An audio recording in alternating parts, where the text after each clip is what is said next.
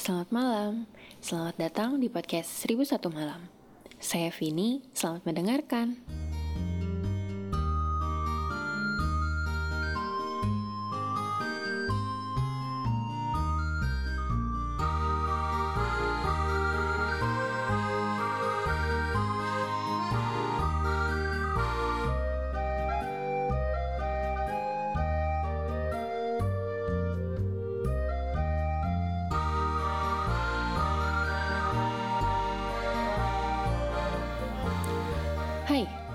Eh, episode pertama ini mau aku jadiin semacam perkenalan soal apa itu podcast 1001 malam, kenapa namanya harus 1001 malam, kenapa akhirnya berani nyoba buat bikin podcast, dan apa yang bisa teman-teman harapin dari podcast ini.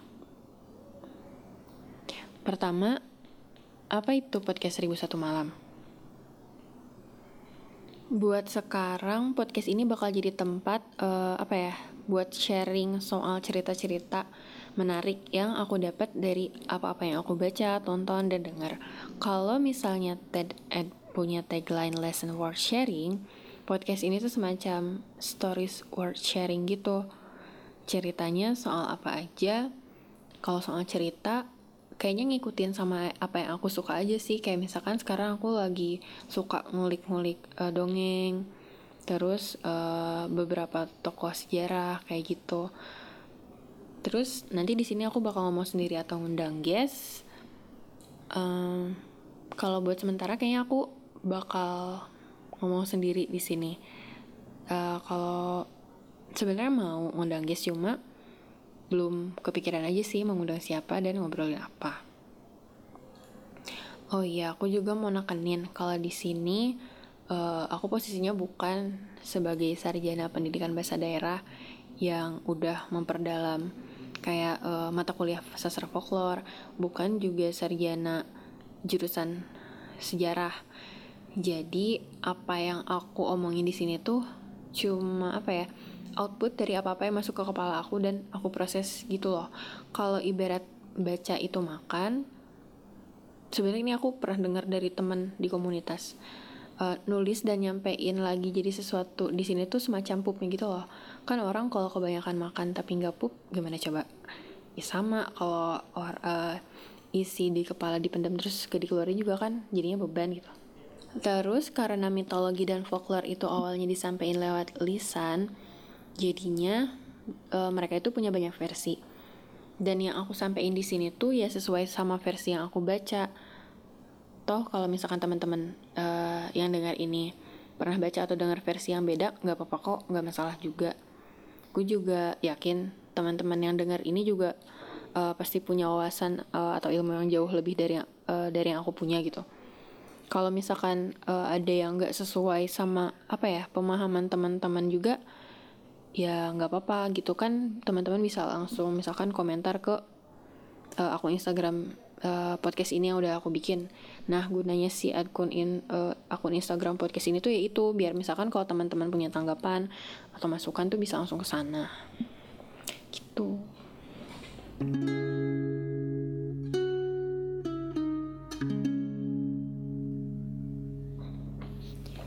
Yang kedua, kenapa namanya harus 1001 malam? Kalau misalnya teman-teman dengar frasa seribu satu malam, yang kebayang di kepala teman-teman tuh apa sih? Uh, kayaknya Aladin, Jin, Sultan-Sultan, pokoknya latar Timur Tengah langsung kebayang gitu lah ya. Nah, tapi hampir kayak kebanyakan karya sastra abad pertengahan, abad pertengahan di sini tuh maksudnya abad pertengahan Eropa uh, dari abad 5 sampai 15 Masehi. Si cerita 1001 malam ini tuh punya bingkai cerita atau frame story dan menurut aku si frame story 1001 malam eh, ini tuh menarik banget. Uh, kalau contoh karya sastra abad pertengahan yang punya frame story lagi tuh setahu aku ya setahu aku tuh uh, Divine Comedy-nya Dante. Nah kalau 1001 malam ini dia tuh frame story-nya cerita soal Syahrazad sama Syahriar. Teman-teman kayaknya juga nggak asing sama nama itu atau mungkin udah tahu tapi aku coba ceritain ulang soal si frame story Syahrazad sama Syahriar ini. Eh tapi sebelum ke frame story, kayaknya aku mau ceritain dulu uh, soal 1001 malam ini secara historis. Sama kayak hampir semua cerita rakyat atau folklore di dunia, uh, kita nggak tahu kapan tepatnya cerita 1001 malam ini diceritain dan siapa yang pertama kali cerita. Orang-orang ceritanya tuh kayak satu orang cerita ke anaknya, anaknya cerita ke anaknya lagi, terus aja gitu sampai akhirnya cerita itu nyampe di banyak orang dan akhirnya didokumentasiin uh, dengan tulisan. Terus ternyata aku juga baru tahu kalau cendekiawan, penulis, penerjemah dan folkloris atau orang-orang yang ahli di bidang sastra folklore tuh ternyata udah berabad-abad meneliti si cerita 1001 malam ini. Dari hasil penelitian itu, mereka sepakat kalau si cerita ini dimulai di abad pertengahan. Sejarah soal 1001 Nights atau Arabian Nights atau 1001 malam ini emang cukup kompleks. Suatu hari, maaf tapi dari sumber yang aku baca, tanggal dia nulis ini nggak disebutin. Secara eh, seorang sejarawan novelis, dan penulis literatur Arab dari Inggris namanya Robert Irwin ngerangkum temuan dia sama teman-temannya. Rangkumannya tuh kayak gini. Uh, suatu hari di awal abad ke-8 sekumpulan orang eh kok sekumpulan orang. Suatu hari di awal abad ke-8 sekumpulan dongeng berbahasa Persia dan India diterjemahin ke dalam bahasa Arab dengan judul Alf Laila yang artinya seribu malam. Nah, si kumpulan cerita ini tuh jadi dasar uh, dari cerita seribu satu malam. Terus, waktu abad ke-9 dan ke-10, cerita-cerita Arab yang di antaranya beberapa cerita tentang Khalifah Harun al-Rashid ditambahin ke koleksi cerita seribu satu malam. Kemudian, dari abad ke-13 dan seterusnya, lapisan cerita lebih lanjut ditambahin di Suriah sama Mesir. Banyak di antaranya nunjukin hal-hal lain kayak sihir, kehidupan masyarakat, kelas ekonomi, ekonomi rendah, bahkan seks. Akhirnya, di periode modern awal, lebih banyak cerita ditambahin ke koleksi Mesir. Sampai si cerita itu akhirnya berjumlah 1001. Jadi kayak biar sesuai sama judulnya gitu. Nah itu dia sejarah singkat si cerita 1001 malam. Balik lagi ke bagian frame story cerita 1001 malam yang aku bilang di awal. Jadi cerita awal si 1001 malam ini tuh berlatar uh, sekitar awal abad ke-7 atau ke-8 di Kekaisaran Sasanian. Apa itu Kekaisaran Sasanian?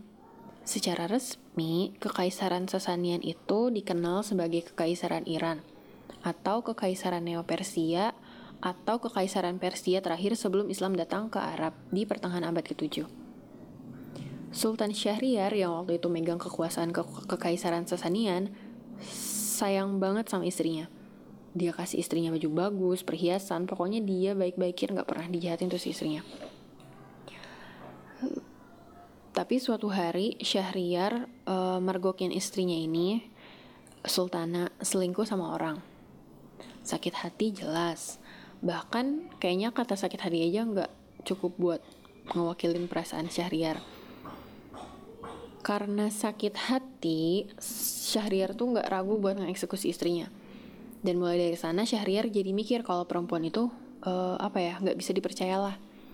Terus sebagai orang yang punya power dan kedudukan tinggi, apalagi kan kalau misalkan jadi sultan atau raja lah misalkan gitu ya. Selain dari faktor keturunan juga kan kriterianya banyak gitu.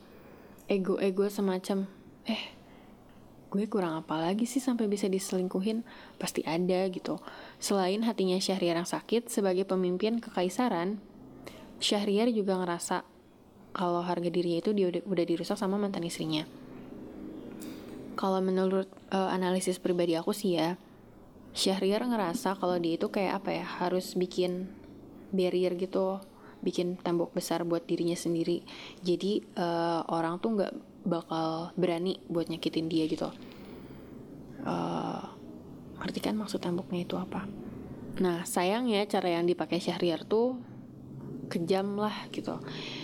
Caranya itu Syahriar manggil wazir agungnya nah apalagi tuh wazir agung kalau ngutip dari Wikipedia wazir agung itu menteri tertinggi di Kesultanan Utsmaniyah yang surat uh, kuasa tertinggi yang dia tuh kayak punya surat kuasa tertinggi gitu dan uh, cuma bisa dicopot sama sultan sendiri. Dia megang segel kesultanan dan bisa ngumpulin semua wazir lainnya buat ngurus urusan negara. Tapi uh, gelar wazir agung ini dihapus di Turki waktu uh, Kesultanan Utsmaniyah runtuh. Syahriar nyuruh wazir agungnya itu buat nyari satu perawan setiap hari buat dia nikahin dan dia eksekusi besok paginya. Enggak diceritain sejarah jelas juga sih berapa lama berlangsungnya acara balas dendam dengan bunuhin istri-istrinya tiap hari itu. Cuma waktu kota itu udah dipenuhi sama teror dan wazir agung, udah mulai kesusahan tuh si wazir agung tuh nyari calon istri buat sultan anak sulungnya Wazir Agung Syahrazad ngajuin diri. Wazir Agung sebagai bapaknya ya kaget lah gitu. Kayak dia mikir udah gila nih anak gitu. Jadi Syahrazad itu tuh terkenal apa ya? Dia tuh dapat pendidikan di tinggi gitu di sana tuh. Secara dia tuh anak dari uh, Wazir Agung. Tapi uh, Syahrazad tuh ngasih penjelasan ke bapaknya kayak ini tuh salah satu rencana buat ber berhentiin Sultan Syahriar dari bunuh-bunuhin istrinya. Mes, uh, walaupun kemungkinannya masih 50 50 terus setelah ngebujuk ayahnya itu intinya uh, wazir agung ngizinin anaknya buat uh, berusaha buat ngeberhentiin sultan dari apa ya dari aksi balas dendamnya dia itu buat nikah sama Syahriar Sehari sebelum pernikahan itu, Syah Syahrazad ngom kayak ngobrol private gitu sama adik bungsunya yang masih kecil. Namanya Dainerzad. Dia uh, Syahrazad kayak punya satu permintaan yang harus dilakuin sama Dainerzad buat menjalani rencana Syahrazad di hari pernikahannya nanti. Permintaan Syahrazad ke adiknya itu malam itu Dainerzad harus bangun satu jam sebelum matahari terbit. Bangunin Syahrazad dan bilang sesuatu. Di hari pernikahan Syahrazad sama Syahriar, Syahrazad punya satu permintaan juga ke Syahriar. Kalau kalau apa ya kayak dia minta kalau misalkan adiknya itu buat tidur bareng sama mereka gitu di malam itu soalnya uh, dia ngerasa kayak uh, kan ini tuh malam terakhir dia sama adiknya terus dia tuh sayang banget sama adiknya gitu dia juga pengen ngabisin malam terakhirnya itu buat tidur bareng adiknya Terus uh, Syahriar ternyata ngabulin permintaan Syahrazad buat bawa adik bungsunya tidur di kamar yang sama sama Syahrazad sama Syahriar.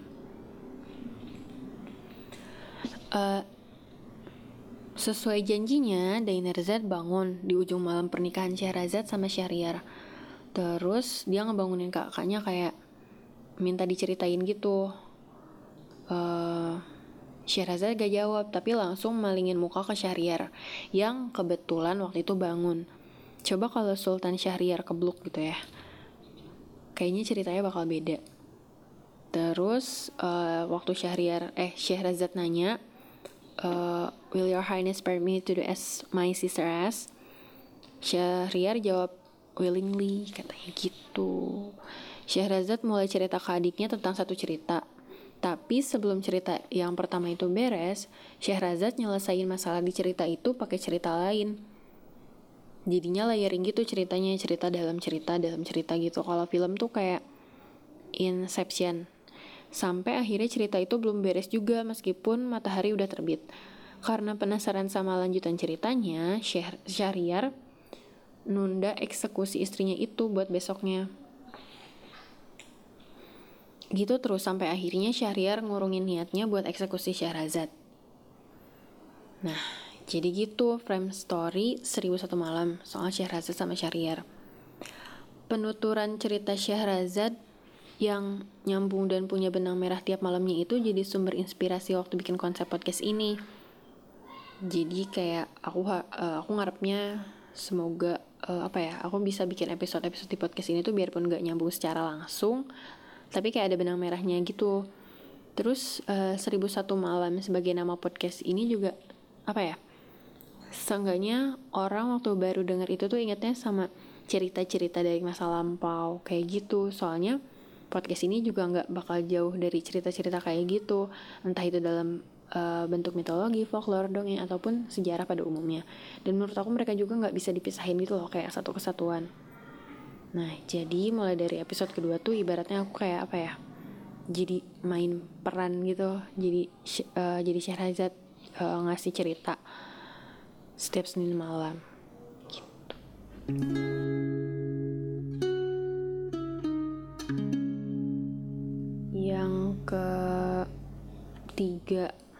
Kenapa akhirnya nyoba bikin podcast? Apa ya? Singkatnya sih gara-gara waktu itu aku nulis di medium. Uh, terus waktu aku share tulisan aku di medium satu teman aku uh, nyaranin coba bikin podcast. Awalnya agak ragu-ragu juga sih terus uh, temen aku ternyata ada yang mau bantuin buat uh, bikin podcast ini. Akhirnya kita berdua bikin podcast ini gitu. Kalau misalkan harus ada alasan yang seriusnya tuh apa ya? Uh, pas abis baca banyak uh, bukan banyak sih maksudnya karena suka aja terus ternyata dongeng itu tuh nggak sesuai sama apa ya sama yang aku pikirin uh, bertahun-tahun lalu gitu loh mungkin kayak uh, banyak orang juga masih berpikiran kalau misalkan kayak cerita dongeng itu tuh cerita picisan tentang raja, ratu, pangeran, harta, uh, happily ever after, yang baik yang menang, uh, hitam putih. Terus kalau sejarah tuh uh, uh, ngebosenin apalagi kalau ingat misalkan di sekolah gitu ya biasanya kalau pelajaran sejarah kan suka bikin ngantuk gitu kalau di sekolah. Nah pengen aja gitu kayak uh, ngasih semacam insight gitu kalau ternyata dongeng juga bisa loh dibaca sama orang dewasa dan banyak juga dongeng uh, yang bagus gitu. Bukan bukan bagus gimana ya? Ya gitulah gitu. Ngerti kan ngerti kan suka lost gitu kayak kalau ngejelasin kayak ya gitulah gitu ya udahlah gitu. Terus yang terakhir apa yang bisa teman-teman harapkan dari podcast ini? Jujur sebenarnya uh, aku harap orang-orang yang dengar podcast ini tuh nggak naruh harapan terlalu besar aja. Soalnya sebenarnya yang belajar di sini tuh aku. Terus uh, aku juga masih berusaha sih buat uh, bisa ngomong dan direkam dengan benar. Karena ternyata susah ya John susah ya. Susah. Ya gitulah. Jadi segitu teman-teman buat podcast episode pertama. Makasih banyak juga udah dengerin sampai sini. Senin depan itu awalnya aku mau cerita soal dongeng favorit aku yang lumayan relevan sama keadaan politik sekarang. Tapi aku mau tunda dulu kayaknya soalnya kan ini bulan Oktober. Biasanya di luar negeri atau di beberapa tempat itu kan hmm, Oktober identik sama spooky things gitu ya sama hal-hal menyeramkan sama perayaan Halloween. Nah minggu depan itu aku mau cerita soal salah satu karakter uh, apa ya cerita hantu yang udah banyak dijadiin film. Dan ternyata dia tuh uh, si apa ya origin storynya tuh bisa ngacu ke beberapa orang yang emang ada gitu di sejarah. Dan cerita orang-orang itu tuh menurut aku apa ya uh, keren bukan keren apa ya kayak pokoknya seru sih kalau apalagi kalau misalkan kita tahu that uh, jadi si tokoh-tokoh ini tuh dia punya apa ya semacam spekulasi kalau si tokoh ini tuh ini ini ini. Nah terus ternyata uh, ada antitesis dari spekulasi-spekulasi soal mereka itu. Nah di situ itu serunya dan kayak aku dapat kayak oh ternyata gini gini gini gini gitulah kayak gitu. Pokoknya makasih udah dengar sampai sini. Sampai jumpa minggu depan.